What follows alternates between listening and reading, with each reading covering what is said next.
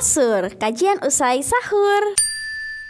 Three, two, one. Radio Muhammadiyah dari Muhammadiyah untuk semua.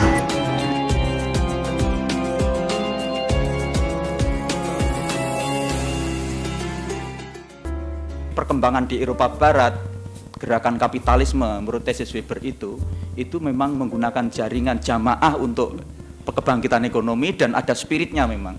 Karena Weber itu karena Calvinis itu berpandangan bahwa kaya itu adalah ukuran dia dekat dengan Tuhan. Semakin kaya orang berarti dia semakin dekat dengan Tuhan. Maka orang berlomba-lomba untuk kaya. Dengan segala kejujurannya itu. Mo- Kiai Dahlan dulu juga menggunakan itu. Walaupun saya yakin Kiai Dahlan bukan berangkat dengan teori-teori sosial yang rumit seperti sekarang ini.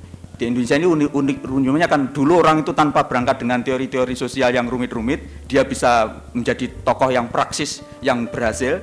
Tapi sekarang banyak ilmuwan sosial yang menguasai teori sosial, tapi ngatasi macam-macam nggak beres. Itu ciri Indonesia sekarang. Ini Indonesia ini menurut saya sekarang karena terlalu banyak ilmuwan sosial yang berteori-teori, terutama teori sosial Barat, dan itu memang ketika dipakai untuk menjelaskan dan mengatasi persoalan Indonesia nggak jalan. Dia kuasai teori Durkheim, dia kuasai teori Marx, dia kuasai teori Gramsci. Itu kan orang-orang sana.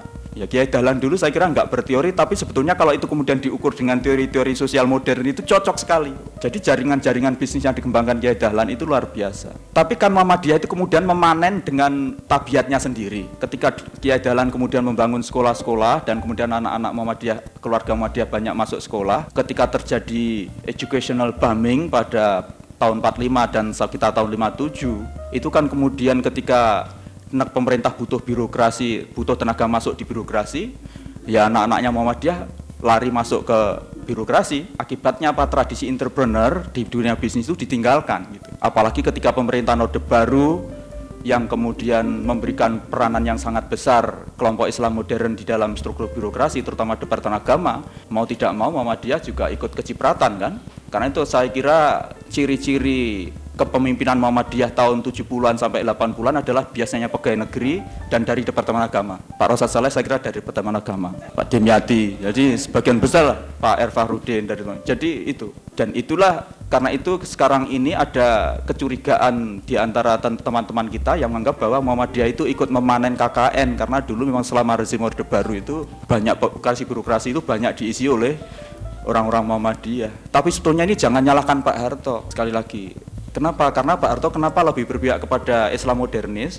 Karena dulu kan Nasakom itu kan nasionalnya itu PNI, hanya agama itu ya ya jelas Islam tradisionalis. Wong waktu itu Masumi dibubarkan kok tahun 60. Komnya PKI kan. Nah, Pak Harto sebagai orang yang mengganti Bung Karno kan sama sekali tidak mau kecipratan yang lama kan. Ya diambil yang baru sama sekali dan itu Islam modernis. Jadi sebetulnya ada kaitan sejarah, tidak bisa disalahkan begitu saja. Nah, kalau sekarang kita juga harus memanen risiko-risiko yang akan datang, saya kira ya wajar saja. Nah, Kemudian Bapak Ibu sekalian, itulah yang yang terjadi. Jadi sekarang ini saya kira waktunya lah. Alhamdulillah lah kita mungkin dalam waktu yang akan datang ini mungkin Muhammadiyah tidak akan lagi dominan di birokrasi terutama di Departemen Agama. Itu tentu saja akan membuat Muhammadiyah mungkin akan kembali ke jalannya yang benar. Yaitu menjadi mengembangkan semangat entrepreneur itu. Semangat entrepreneurship seperti yang pernah di dasar-dasar yang pernah diletakkan oleh Kiai Dahlan dan para generasi pendahulu Muhammadiyah itu. Saya kira akan banyak hikmahnya lah gitu. Itu biasanya dipakai alat untuk istilahnya Pak Taufik kemarin untuk me- mengurangi rasa perih karena suatu kekalahan itu biasanya dengan menghibur dengan memakai hikmah-hikmah gitu. Jadi hikmah di dalam Islam itu sudah kata hikmah di dalam Islam sudah diselewengkan sering untuk menghibur diri gitu loh.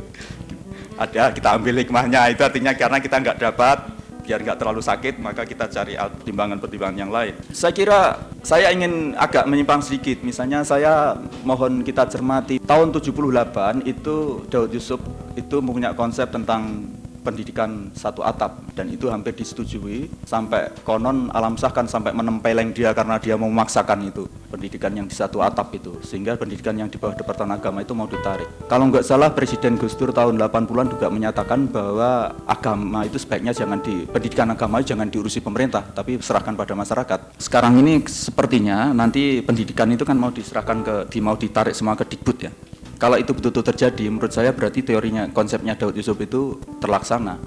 Padahal waktu Daud Yusuf ketika setelah gagal mau menyatapkan depart, anu pendidikan itu, dia juga sudah berulah dengan cara apa?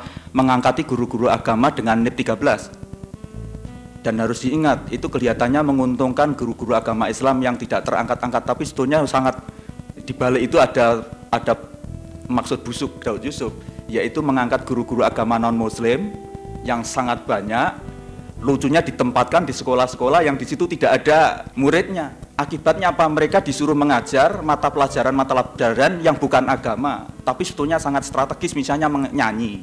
Kelihatannya kan sepele atau nyanyi, tapi kalau kemudian diajak nyanyi gereja gimana? Kemudian dia disuruh megang mata pelajaran mata pelajaran menggambar, menggambar juga gitu gambar pohon Natal, lomba berbaik-baikan nanti diberi hadiah.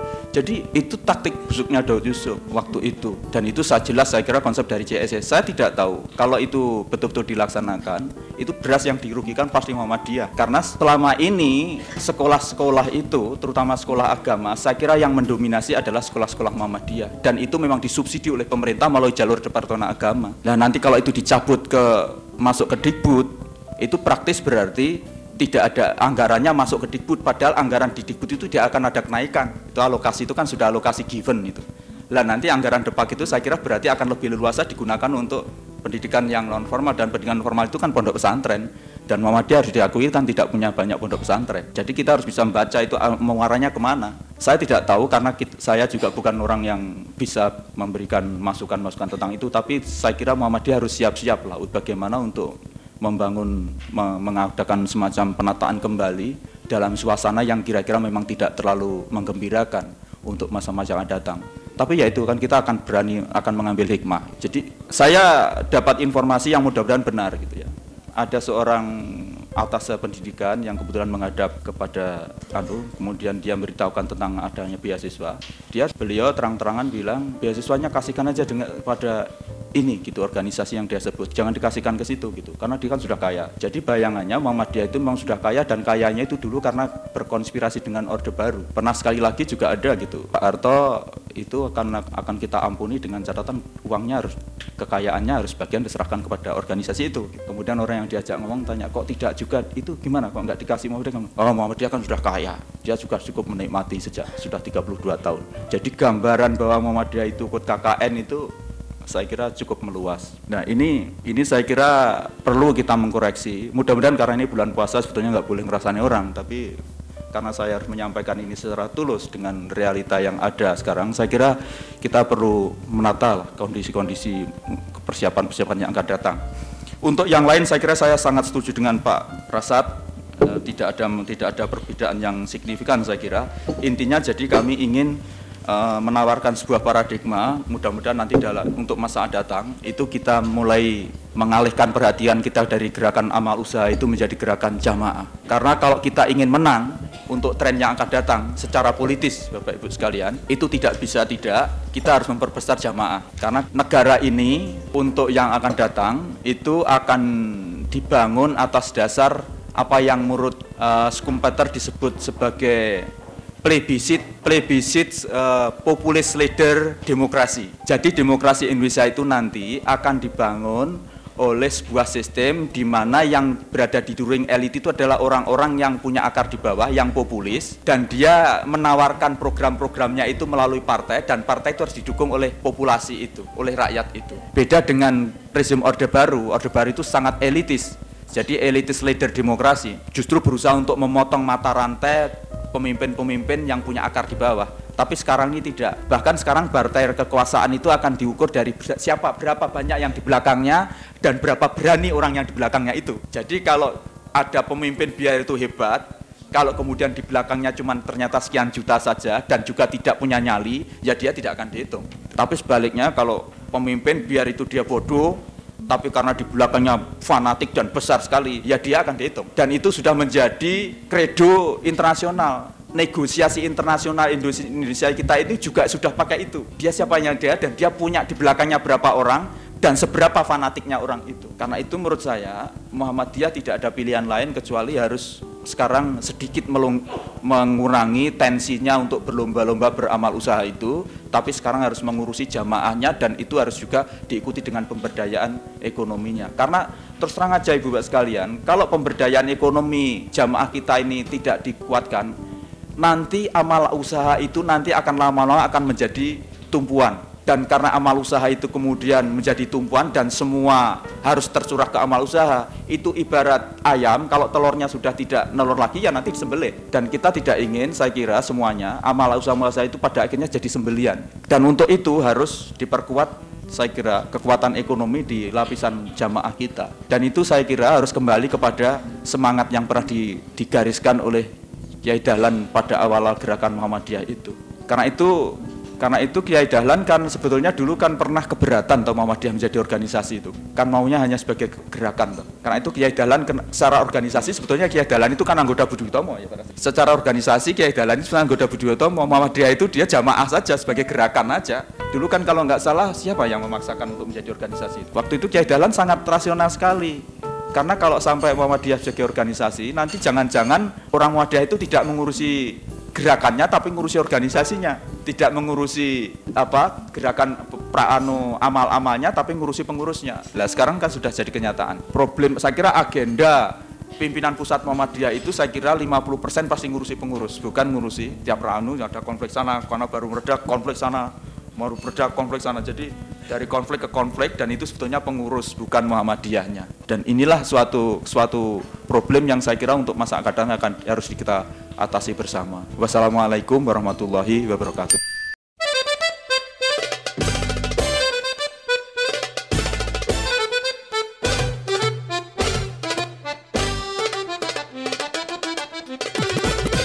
warahmatullahi wabarakatuh Radio Muhammadiyah dari Muhammadiyah untuk semua Assalamualaikum warahmatullahi wabarakatuh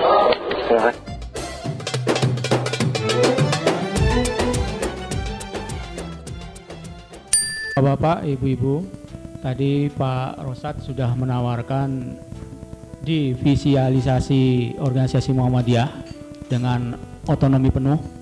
Mudah-mudahan bukan federalisasi Muhammadiyah yang disambut oleh Pak Muhajir dengan penguatan gerakan jamaah. Kemarin sore Pak Suwandi dengan Pak Jafar itu diskusi mengenai pembagian bantuan pemerintah terhadap yayasan-yayasan. Nah, walaupun Muhammadiyah itu punya amal usaha lima kali dari yayasan-yayasan lain, tapi Muhammadiyah itu hanya dapat seperlima dibanding yang lain. Karena Muhammadiyah tetap maju atas nama Muhammadiyah. Sedangkan yang lain maju dengan yayasan Kanisius, yayasan Santa Maria, yayasan dan lain-lain. Nah, ini mungkin ide dari Pak Rosat dan Pak Muhajir ini perlu kita kembangkan.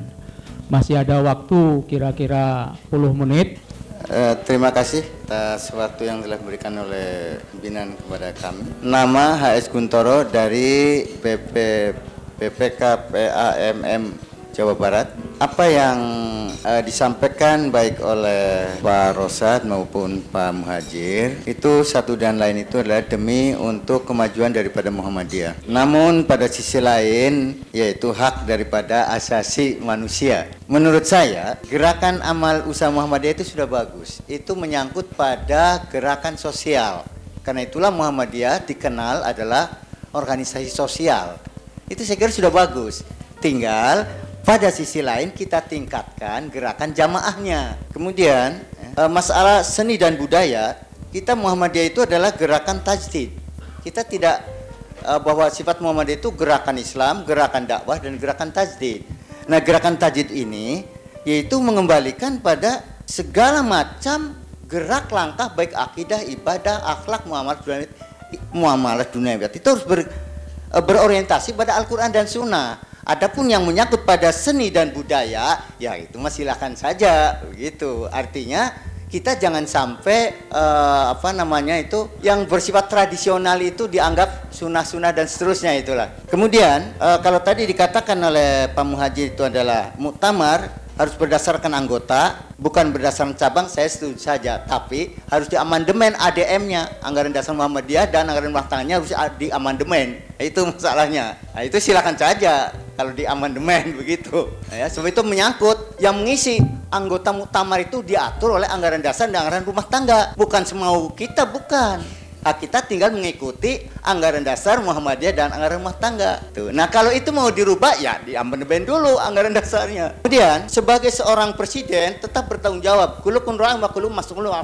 Tetap saja itu walaupun di bawahnya itu adalah tidak apa namanya itu eh, bagaimanapun juga itu bagaimana top pimpinan. Kalau komandonya begitu di bawahnya itu ikut begitu ya dosa semua barangkali begitu. Tapi tetap bertanggung jawab. Kalau dikatakan Muhammadiyah itu ikut KKN, saya minta penjelasan dari segi mana Pak Muhajir menerapkan pengertian KKN itu sendiri. Kalau Muhammadiyah mendapatkan subsidi itu wajar semuanya tidak apa-apa. Tapi kalau KKN bersifat itu negatif, neraka, berdosa, itu yang KKN-nya. Jadi kalau menurut saya itu saya minta penjelasan menurut Pak Muhajir yang dimaksud KKN itu yang bagaimana sehingga Muhammadiyah dikategorikan KKN. Terima kasih. Uh, terima kasih. Saya tidak menolak beberapa tawaran yang disampaikan, tapi saya juga mungkin punya pemikiran yang berkaitan dengan revitalisasi organisasi Muhammadiyah barangkali nanti perlu dijelaskan apakah ini mungkin gitu. Yang pertama, pemilihan pimpinan atau musyawarah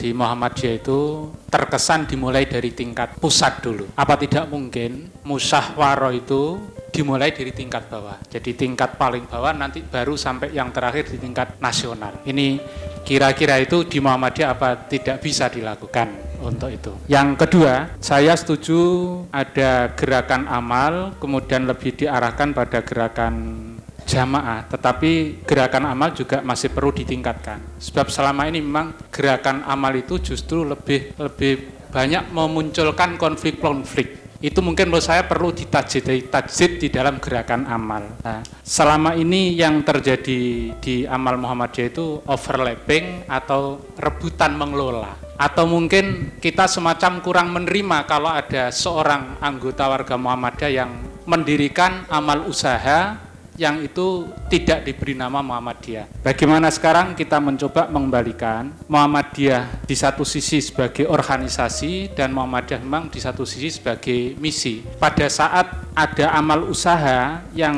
itu bernama Muhammadiyah memang secara organisasi harus dikelola oleh Muhammadiyah. Yang kedua, apabila ada warga Muhammadiyah yang mendirikan amal usaha apakah itu dengan nama Muhammadiyah atau dengan tidak dengan nama Muhammadiyah menurut saya itu tidak perlu dibatasi yang penting yang dilakukan itu tetap dalam misi dan visi Muhammadiyah tetapi bagaimana kalau yang keduanya itu yang penting kedua-duanya bisa memberikan apa kontribusi materi kepada Muhammadiyah. Jadi diharapkan kedua model amal usaha itu tetap memberikan arti kepada Muhammadiyah.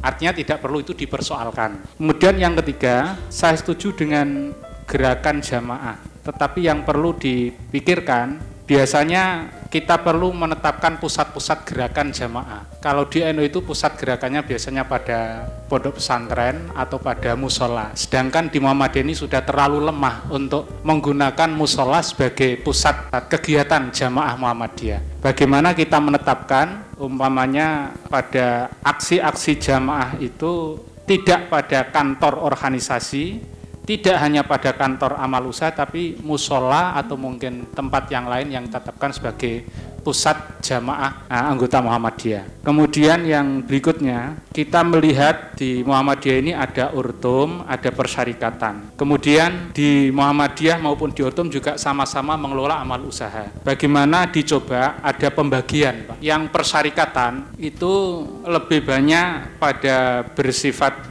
kebijakan-kebijakan organisasi. Kemudian yang urtum itu nanti pembagiannya pada pembinaan jamaah, pembinaan anggota. Jadi persyarikatan, persyarikatan itu nanti lebih banyak membina organisasinya secara umum, tetapi yang urtum itu membina jamaah. Jadi yang jamaah eh, jamaah pelajar jamaah mahasiswa, jamaah pemudi, jamaah Aisyah itu diserahkan pembinaannya pada Ortum. Yang selama ini Ortum itu juga membina amal usaha, juga Muhammadiyah juga membina amal usaha sehingga masih sering terlibat bahasanya itu rebutan. Ini kan TK Aisyah, ada lagi ini kan Diniyah Muhammadiyah itu rebutan.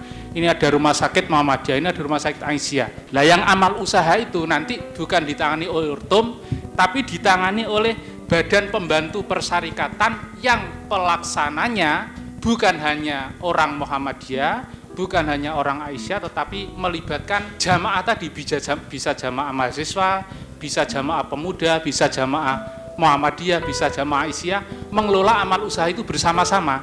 Nah itu hanya pembagian saja mungkin supaya tidak terjadi overlapping. Eh, itu yang bisa saya sampaikan. Mudah-mudahan ada penjelasan dari para eh, pemakaran. Terima kasih. Ini waktunya tinggal 4 menit Bu, jadi mohon maaf kita serahkan saja Pak Rosat, Pak Muhajir 2 menit, 2 menit.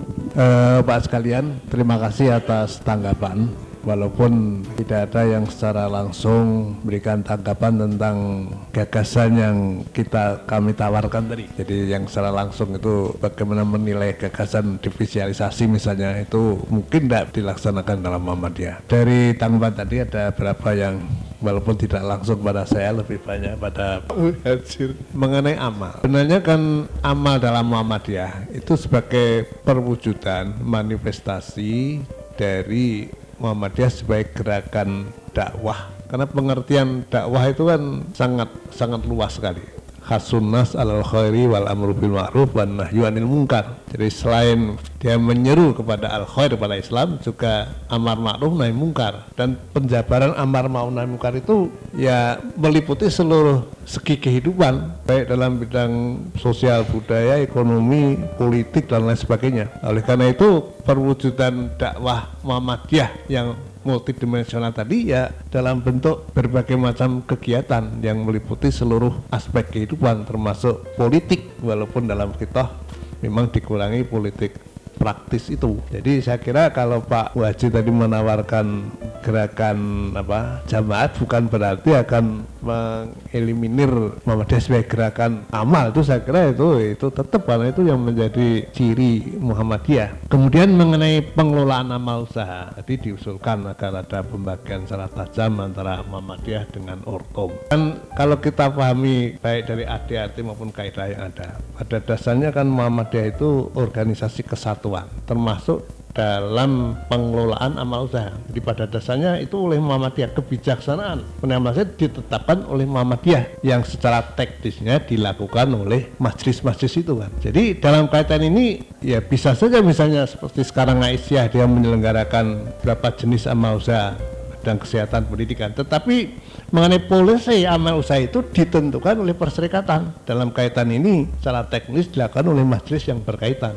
Ini kan jadi kebijaksanaan tetap di tangan perserikatan. Soal pengelolaan oleh siapa itu itu masalah masalah teknis. Nah, kalau sekarang memang berapa ortom termasuk Aisyah terutama dia ingin ya secara mandiri menyelenggarakan amal usaha. Saya kira itu tidak tidak ada tidak ada masalah. Bisa saja bahkan di bidang kesehatan sekarang ini kan Aisyah dimungkinkan untuk mendirikan balai pengobatan sampai rumah sakit. Tetapi tentu harus ada koordinasi termasuk dalam kaitan polisi penyelenggaraan amal usaha tadi jadi saya kira sementara ini Pak Ya, eh, yang bilang Muhammadiyah KKN itu bukan saya. Jadi kalau kita membuat membuat membahas pernyataan kan selalu bilang ada pernyataan begini. Sudah 32 tahun NU itu dikuyo-kuyo tidak pernah diberi anu. Itu sebetulnya ada kalimat berikutnya. Sementara yang itu gini gini gini. Itu kalau di publikasi memang tidak begitu tapi sebetulnya di dalam intern itu ada diskusi tentang itu. Jadi bahwa kita telah dan memang indikatornya kan jelas toh Menteri Agama itu selama Pak Harto berkuasa itu kan tidak pernah diganti-ganti itu itu pasti memang bukan orang Muhammadiyah tapi pasti punya kedekatan dengan Muhammadiyah ini memang harus diakui gitu ya. Saya kira juga ketika pertama menjabat presiden, Presiden Abdul Rahman saya kira sudah menyatakan dua dua men- tiga menteri kan yang akan diambil, Mendikbud, Menteri Agama dan Menteri Luar Negeri kan. Jadi sebetulnya saya yakin kenapa tiga itu yang menjadi eh, target operasi. Saya kira memang ada misi-misi khusus yang dianggap sebagai persoalan strategis yang harus segera diselesaikan dalam kaitannya dengan ini. Dan itu menurut saya itu tadi yang sudah saya paparkan. Dan saya kira Pak Rasad sebagai asisten menteri kemarin sudah menyatakan itu kan padahal kan kabinet yang lalu kan sudah merintis sampai penandatangannya untuk men- guru-guru agama yang di bawah Dikbud, di bawah binaan Depak dan seterusnya itu dalam rangka kita mengukuhkan kembali intensitas pendidikan agama di sekolah-sekolah umum. Tapi kalau kemudian nanti ditarik ke dalam Mendikbud, kita tidak bisa bayangkan pasti tersubordinasi dan pasti akan terjadi juga penyeragaman kurikulum dan itu tadi akan konsep bahwa pendidikan agama itu harus dikembalikan pada masyarakat akan harus di eh, itu. Dan itu berarti jelas Muhammadiyah yang jadi target operasi karena yang punya sekolah itu sebagian besar Muhammadiyah. Di- Baik di dalam Departemen Agama maupun Dikbud itu sekolah swasta itu yang paling banyak memang ya Muhammadiyah.